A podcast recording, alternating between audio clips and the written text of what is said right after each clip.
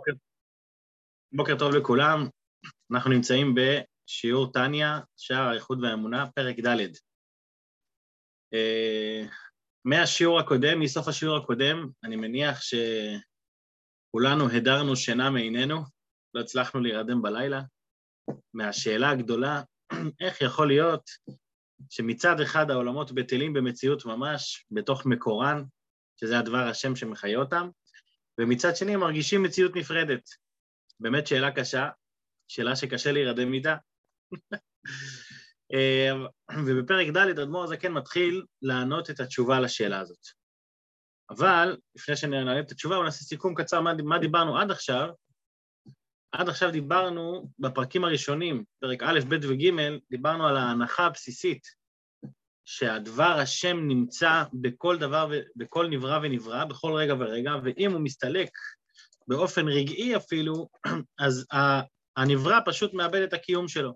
הבאנו לזה כמה משלים, המשל של, של זריקת אבן, המשל של קריעת ים סוף, כשהמכנה המשותף הוא להבהיר את המושג הזה של בריאה יש מאין, שהיא שונה מיצירה של יש מיש, שבבריאה יש מאין, המחודש, הנברא, הוא צריך לקוח המחדש שיהיה בתוכו כל הזמן.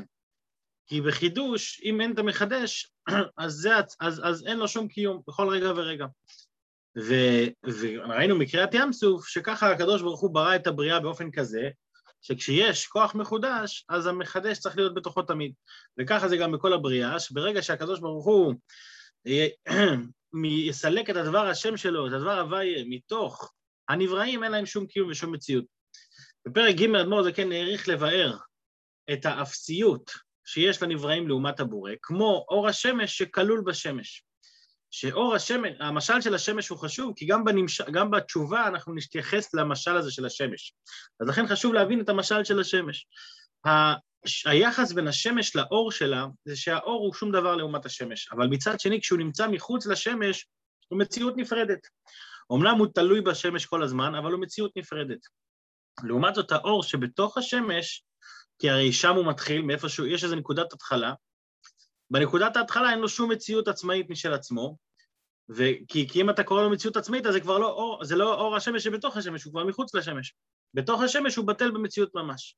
ככה הנבראים, העוצמה של הביטול שלהם כלפי המקור שלהם, זה כמו אור השמש שבתוך השמש, שאין להם שום מציאות מצד עצמם.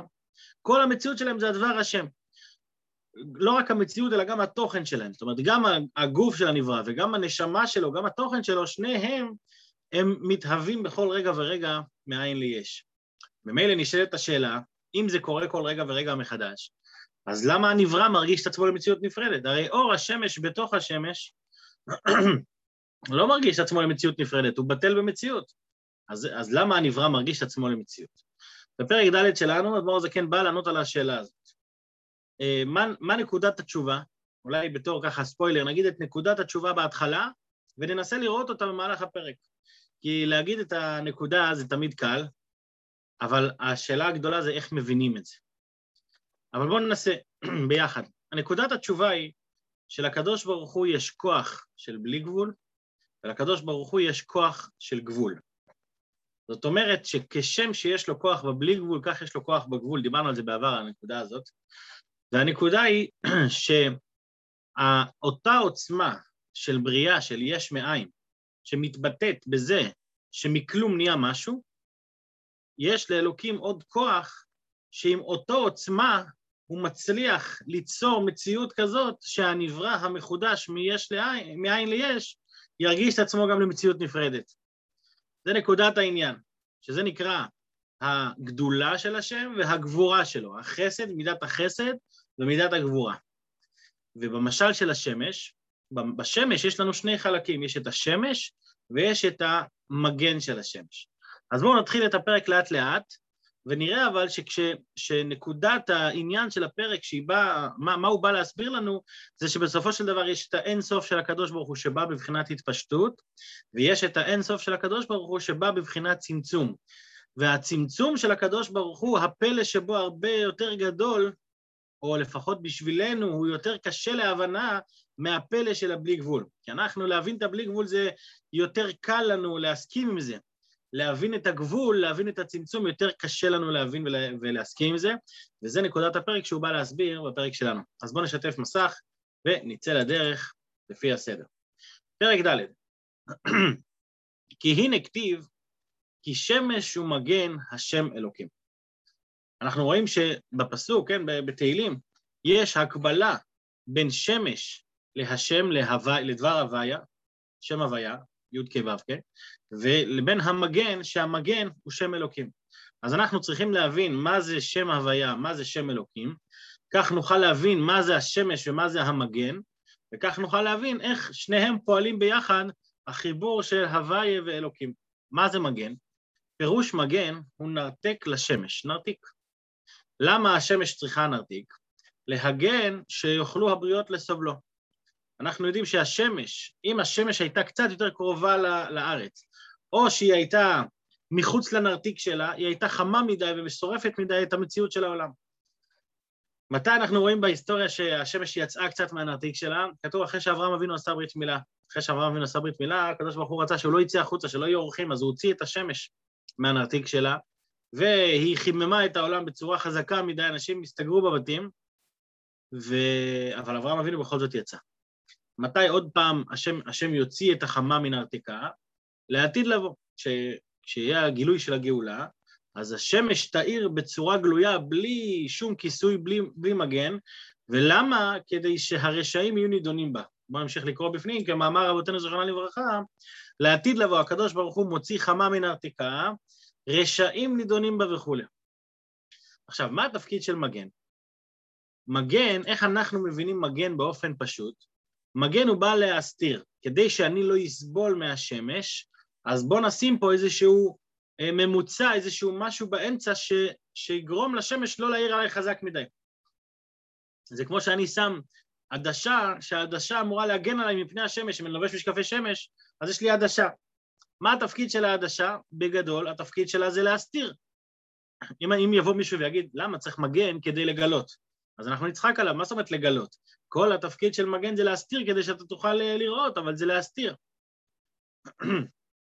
אבל בפנימיות העניין, כשמדברים על שם הוויה ושם אלוקים, זה לא רק להסתיר, אלא זה בעיקר לגלות. כדי שהנבראים יוכלו להכיל את האור, אז צריך סוג של גילוי, שהסוג הזה של הגילוי נקרא צמצום והלם. בואו נראה את זה לפי הסדר. וכמו שאני ממשיך לקרוא פה בפנים שורה רביעית מתחילת הפרק. וכמו שהנרתיק מגן בעד השמש, כך שם אלוקים מגן לשם הוויה ברוך הוא. אז אנחנו צריכים להבין מה זה שם הוויה, מה זה שם אלוקים, ואז אנחנו נבין מה זה ששם אלוקים מגן על שם הוויה. ו- וזה נקודה שחשוב להבין אותה, שוב, אני חוזר על זה שוב, שההגנה של שם אלוקים על שם הוויה זה לא רק הגנה של הסתרה, אלא זה הגנה של גילוי. כי כדי שאני אוכל ליהנות מהשמש, אני חייב את המגן הזה. המגן הזה הוא לא רק מסתיר ממני את השמש, הפוך, הוא מגלה לי את השמש שאני אוכל ליהנות מהשמש. רק מה, שבנמשל שאנחנו צריכים להבין את זה, הגילוי של שם אלוקים זה לא רק כדי שאני אוכל לראות את שם הוויה, אלא ששם אלוקים עצמו הוא חלק מהתמונה פה, והוא חלק מהגילוי האלוקי שבא לעולם, שבלי שם אלוקים הגילוי לא היה יכול לבוא לעולם, ואין שום גילוי. עכשיו, שם אלוקים עצמו מצד עצמו הוא צמצום, אבל הצמצום הזה הוא עצמו גילוי. בואו בוא נמשיך. אז מה זה שם הוויה ומה זה שם אלוקים? זה שם הוויה פירושו שמהווה את הכל מאין ליש. אם אני אקח את שם הוויה י"ק ו"ק, מה השורש הבסיסי של המילה? זה ה' ו' ה', זה מלשון הווה. אז למה, למה, למה בעצם קוראים לשם הוויה שם הוויה? כי זה בעצם חיבור של היה, הווה ויהיה. זה גם מה שהם מכוונים כשאומרים ברוך אתה השם, זה היה, הווה ויהיה. רק מה? שה... איפה זה מתבטא בעיקר, היה, הווה ויהיה, זה מתבטא בעיקר בהווה, בעכשיו. שבמציאות העכשווית הוא נמצא עכשיו ומחיה את הכל בכל רגע ורגע מחדש מאין ליש. זה גם כמו שאמרנו קודם, שהדבר השם נמצא בכל רגע ורגע, לשון הווה. אז אם הווה זה העיקר, למה צריך את היוד? מה המשמעות של היוד? הרי המילה י' כ' ו' כ' אין לה בעצם משמעות מצד עצמה.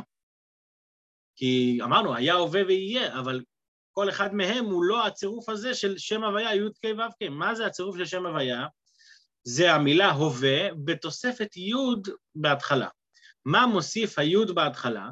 שהי', אני קורא בפנים, והי' משמשת על הפעולה. הפעולה שהיא בלשון הווה ותמיד. מה זה אומר? כשאני מוסיף י' בתחילת, אה, זה לא רק י' אגב, זה אותיות איתן, שאותיות א', י', ת' ונ', כשאנחנו מוסיפים אותן בתחילת מילה, הן הופכות את המילה למילה אה, ביצועית שקורית כל הזמן. אה, נגיד אם, אם יש את המילה עשה, כן? עשה זה לעשות משהו. אז אני אעשה בעתיד, אני יעשה, אני, אה, או תעשה, אתה תעשה, ואנחנו נעשה, זאת אומרת, האותיות האלה הן מוסיפות לשם הפועל, הן מוסיפות לו את הפעולה, שעכשיו זה קורה כל הזמן, תעשה, יעשה. עכשיו, כשאני מסתכל על המילה יעשה, זה יכול להיות להישמע לי לשון עתיד, זה לא משהו שהוא שייך להווה. הרגע אמרת לי שזה עניין של הווה, אז מה הקשר להווה? אלא שיש משמעות של, המ... של התוספת של היוד בעניין של עשייה תמידית. למשל, כמו שאני עושה עכשיו, ככה אתה תעשה כל הזמן. אז מה הכוונה שאני אומר לך תעשה כל הזמן? זה לא אני מדבר איתך על מצב ספציפי, זמן ספציפי, אלא משהו תמידי. אותו דבר עם היוד, וזו ההוכחה שהאדמו"ר הזה כן מביא מהפסוק, כדי פירש רש"י על הפסוק, ככה יעשה איוב כל הימים. מה זה יעשה? לא שהוא יעשה לעתיד, אלא הוא יעשה כל הזמן. אז היוד מוסיפה לשם הוויה, היא מוסיפה לו את התמידיות. אז מה זה בעניין שלנו? ההתהוות שקורית כל רגע ורגע מחדש. ההווה זה הזמן הנוכחי, וההווה קורה כל רגע מחדש, הקדוש ברוך הוא מהווה את העולם בכל רגע. והיינו, אמשיך לקרוא בפנים, והיינו החיות הנשפע בכל רגע ממש, בכל הברואים, ממוצא פי השם ורוחו, ומהווה אותם מאין ליש בכל רגע. שוב, זו הנקודה שכבר דיברנו באריכות עד פרק ד'. כי לא די להם במה שנבראו בששת ימי בראשית, להיות קיימים בזה כמו שכתוב לעיל. אלא מה? בגלל שהם יש מאין, אז הם צריכים חידוש כל רגע. אז זה בעצם שם הוויה. עכשיו אנחנו צריכים להבין מה זה שם אלוקים. אז עכשיו, בשביל להבין מה זה שם אלוקים, אנחנו צריכים להבין בעצם מה זה הכוח הזה של הצמצום. בואו נראה עכשיו איך אדמו"ר הזה כן מתייחס לזה ואיך הוא נכנס לנושא. והנה בסידור שבחיו של הקדוש ברוך הוא, ב-18, כשאנחנו מתפעלים כל יום ב-18, אז מתחילים בשבח. ברוך אתה השם, אלוקינו ואלוקי אבותינו, אלוקי אברהם, אלוקי יצחק ואלוקי יעקב, הקל הגדול, הגיבור והנורא, וכולי. אז כתוב, הגדול, הגיבור וכולי. מה זה הגדול, הגיבור והנורא? הוא פירוש הגדול היא מידת חסד והתפשטות החיות בכל העולמות. וברואים לאין קץ ותכלית, להיות ברואים מאין ליש וקיימים בחסד חינם. מה זה הגדול? הגדול זה מידת החסד של הקדוש ברוך הוא. למה מידת החסד נקרא גדול? כי חסד במהותה זה השפעה. חסד זה השפעה כזאת שהיא אינסופית. דיברנו על זה בהרחבה גם בתחילת ספר התניא, שמידת החסד זה מידה באדם, זה לא מידה במקבל. לאדם שהוא, שמאיר במידת החסד לא אכפת מה קורה עם אותו בן אדם שצריך לקבל את ההשפעה. מבחינתו, הוא רוצה לתת. זו תנועה אינסופית של נתינה. זה, זה יכול להיות בנתינה, זה יכול להיות גם בהשפעה. בכל סוג של השפעה או יצירה, מידת החסד מבטאת את הבלי גבול. ולכן, מה קורה ממידת החסד האלוקית של הקדוש ברוך הוא? מידת החסד האלוקית מבטאת את ההתפשטות של, ה, של האלוקות בכל מקום. וזה מגיע לידי ביטוי בשלושה פרטים. שימו לב, פה אנחנו קראנו את זה מהר, אבל יש פה שלוש פרטים. מה השלוש פרטים? ברואים לאין קץ ותכלית. דבר ראשון זה אין סוף. הכוח של מידת החסד האלוקית זה כוח אינסופי, וגם הנבראים שבאים ממנו הם נבראים לאין קץ ותכלית. מלאכים, כל, כל, כל, כל, מה שנברא. הדבר השני זה להיות ברואים מאין ליש, שזה הכוח האלוקי שמחדש בטובו בכל יום תמיד מעשה בראשית, לחדש דבר מאין ליש. והדבר השלישי בחסד זה שהם קיימים בחסד חינם. למה הם קיימים בחסד חינם? כי מידת החסד לא מסתכלת בכלל על הנברא, היא מסתכלת על עצמה. אני, התפקיד שלי זה להיות אין סוף. והיות שאני צריך, חלק מהגדר של אין סוף זה שיהיה אין סוף פרטים, אין סוף דברים, אז לכן יש הרבה ברואים, אבל מה, מה התוכן של כל נברא ונברא זה פחות נוגע אליי, למידת החסד. לכן מידת החסד היא נקראת גדולה. כן, לך השם הגדולה והגבורה והתפארת, או הגדול, הגיבור והנורא. מה זה הגדול, מה זה הגדולה? הגדולה הזאת היא מידת החסד, שהיא מבטאת את הגדולה של הקדוש ברוך הוא, את האינסופיות שלו. למה היא נקראת גדולה? כי באה מגדולתו של הקדוש ברוך הוא. מידת החסד, בשונה, כשאנחנו מתארים בן אדם, ואנחנו אומרים לבן אדם הזה יש את מידת החסד, אז המידה מנותקת מהאדם עצמו. יש את האדם ויש את זה שהוא חסדן, שהוא רוצה לעשות חסד. אצל הקדוש ברוך הוא אנחנו יודעים שיש כלל שהוא ומידותיו זה דבר אחד. כשאומרים שהקדוש ברוך הוא יש בו את, מיד, את מידת החסד, זה לא אומר עכשיו שיש את הקדוש ברוך הוא ויש את החסד שלו. החסד של הקדוש ברוך הוא זה מגיע ממנו. היות שזה מחובר, מחובר אליו בתכלית החיבור, לכן יש לה את הכוח למידת החסד להוות נבראים יש מאין, כל רגע ורגע. הכוח של מידת החסד לא מגיע ממנה עצמה. זה נושא שאנחנו עוד ניגע בו בהרחבה, בהזדמנות בהמשך, אני חושב, של ה... אה, מה שנקרא אי הוא וגרמו אחד. החיבור של הכלים להורות, נגיע לזה. בכל אופן, הנקודה היא, הנקודה היא שמידת החסד, היות שהיא חסד של מי? של הקדוש ברוך הוא, אז החסד של הקדוש ברוך הוא אינסופי. הכוח להוות יש מאין הוא אינסופי. עכשיו, חשוב שנבין שכשאנחנו מדברים על זה, יש איזו נקודה במידת החסד שכאילו קל לנו להבין. למה קל לנו להבין? בגלל שאין לנו מושג באינסוף. ככל שיש דבר שאין לנו מושג בו, יותר קל לנו לדמיין אותו. למה? כי זה אינסוף. זה, אין, הוא לא נכנס בכלל בהגדרות של ההבנה שלנו. אני מבין מה זה אינסוף, אני מבין מה זה יש מאין, אני לא מבין, אני, ש... אני, אני מבין שיש דבר כזה יש מאין, אבל פעם מישהו ניסה לדמיין יש מאין? אה, טוב, יש משל שהוא יותר שייך להמשך, אבל זה עולה לי עכשיו, כשתוך כדי שאני מדבר, אה, רבי יואל ככה היה מביא את המשל הזה הרבה, אבל אה, הוא שייך גם להמשך, השם ישלח לו בריאות בעזרת השם. בכל אופן, מה המשל? יש מושג שנקרא להכניס פיל בחור של מחט. אז אומרים, כתוב שאפילו לדמיין את זה אי אפשר. למה אי אפשר לדמיין את הכנסת הפיל לחור של המחט? בגלל שכשאני מדמיין פיל שנכנס בחור של מחט, מה אני מדמיין? או שהפיל נהיה קטן מאוד שהוא נכנס בתוך החור של המחט, או, שם, או שהחור של המחט מתרחבת והפיל מצליח לעבור שם. ככה או ככה, זה לא פיל וזה לא, וזה לא חור של מחט. אני לא יכול לדמיין שהפיל נשאר פיל, בגודל הטבעי שלו, והחור של המחט נשאר, נשארת חור של מחט, וכל זאת הקדוש ברוך הוא עובר שם. אי, לא, סליחה, לא הקדוש ברוך הוא, הפיל. אני לא יכול לדמיין את זה. אני, למה אמרתי הקדוש ברוך הוא? כי אנחנו לא יכולים לדמיין את האינסופיות של הקדוש ברוך הוא. מה זה בריאה יש מאין? אני אחזור על המשל הזה גם בהמשך, שהוא יהיה קשור יותר, אבל מה זה בריאה יש מאין? מכלום שיהיה משהו. אין דרך לדמיין את זה. כש, כשאני מדבר על יש מיש, אז יש לי איך לדמיין את זה. יש לאחרונה תופעה מאוד חזקה שנקראת בשר מתורבת. מה זה בשר, בדיוק בשבת יצא לי לדבר על זה עם חבר'ה. מה זה בשר מתורבת? לוקחים איזשהו תא, ומהתא הזה משכפלים אותו ומרבים אותו. זאת אומרת, התא הראשוני קיים, ומתא ראשוני אתה יכול להגיע אחר כך לאין סוף, אה, לאין סוף סטייקים, אה, סטייקים אה, צמחוניים, מה שנקרא, מתורבת. דיברנו על זה שיש כל כך חשיבות גדולה לשחיטה של הפרה הראשונה שיעשה ממנה את הטעים, אחרי זה מזה יצא מיליונים. אבל מה הנקודה? הנקודה היא שמיש אתה יכול להבין איך זה מתפתח ומתרחב, כמו שאתה זורע גרעין באדמה, הוא גודל וצומח, הוא נהיה משהו. אז יש לנו ב- ב- בהבנה, הבנה של יש מיש, וכשאומרים לי שהקדוש ברוך הוא ברא יש מאין, אז אני אומר, וואלה, סבבה, אני, אני מסכים. למה אני מסכים? כי אין לי שום הבנה בזה. מכלום שיהיה משהו, מעוצמת הריחוק ממני, אני אומר, בסדר.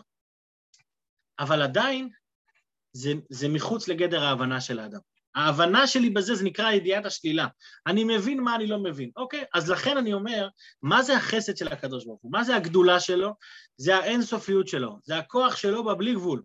זה הכוח שלו להוות נבראים חדשים מאין ליש, מאין ממש, ליש גשמי ומוחלט, ולהוות אותם ולתת להם חיות. כי בא, אני ממשיך פה לקרוא בפנים, כי בא מגדולתו של הקדוש ברוך הוא, כי החסד של הקדוש ברוך הוא לא פועל מצד עצמו, אלא מה, הוא בא מהקדוש ברוך הוא בעצמו, מעצמותו ומהותו, בכבודו ובעצמו. כי גדול השם ולגדולתו אין חקר. ולכן משפיע גם כן חיות והתהוות מאין ליש לעולמות ובראים אין קץ, שטבע הטוב להיטיב. איפה מתחילה הבעיה הגדולה שלנו? הבעיה הגדולה שלנו מתחילה במושגים שכן יש לנו איזושהי הבנה בהם, שזה מושג הצמצום. אבל זה כבר שייך, מה שנקרא, לשיעור הבא, לשיעור של מחר. אבל לפחות הנקודה שהתקדמנו היום, לאן התקדמנו? התקדמנו בזה שההבנה שלנו בחסד של הקדוש ברוך הוא היא הבנה שאין לנו שום הבנה. שזה גם אגב הבנה. פעם מישהו התעצבן עליי, אומר לי, אה, בסופו של דבר תמיד אתם תגיעו לנקודה שתגידו, אין לך מה להבין. וזה נכון, אבל מצד שני, עצם ההבנה שבן אדם מבין שהוא לא מבין, זה עצמו הבנה, זה נחשב הבנה, זה לא התחמקות. לפעמים כשאני אומר, הרבה פעמים אנחנו, קל לנו להגיד, אתה לא מבין את הקדוש, נסתרות דרכי הקהל, אתה לא מבין את הקדוש ברוך הוא, מי אתה שתבין אותו? אז זה נשמע כמו התחמקות. אבל כשאני אומר את זה כהתחמקות, אז זה נכון, זה נשמע כמו התחמקות, אבל כשאני מתבונן בזה, שאין לי באמת הבנה בעניין הזה, מה זאת אומרת אין לי הבנה? כי להבין איך מכלום מגיע משהו, זה לא דבר שאפשר להבין אותו בשכל, אפשר להגיד אותו, אפשר להבין מה זה אומר, אבל להבין את זה, אין סיכוי. להבין מה זה אין סוף, אני, אני, יכול, אני יכול לתאר הרבה פרטים, הרבה הרבה פרטים, אבל לתאר אין סוף, אין לי שום דרך לתאר אין סוף. ולכן, לכן אגב, איך מציירים אין סוף? כמו עיגול שחוזר על עצמו. למה? כי אין סוף לאו דווקא שזה משהו שהוא מתפשט בלי שום... אין סוף יכול להיות גם, אה, גם בצורה מוקטנת. לא שזה באמת יכול להיות בצורה מוקטנת, אלא ההבנה שלנו באין סוף היא... יש דבר שלא אמרתי כשסיימנו ללמוד את החלק הראשון של התניא, פעם היה, היה חסיד אחד שאמר שההבנה שלנו, אולי הרב הרש"ב בעצמו אמר את זה, שההבנה שלנו בתניא זה כמו שנמלה מבינה בירח. בן אדם לא מבין בירח, אז איך נמלה מבינה בירח? גם היא לא מבינה. אבל, לא, אבל ההבנה, החוסר ההבנה שלה נובע מזה שאין לה סיכוי להבין בכלל.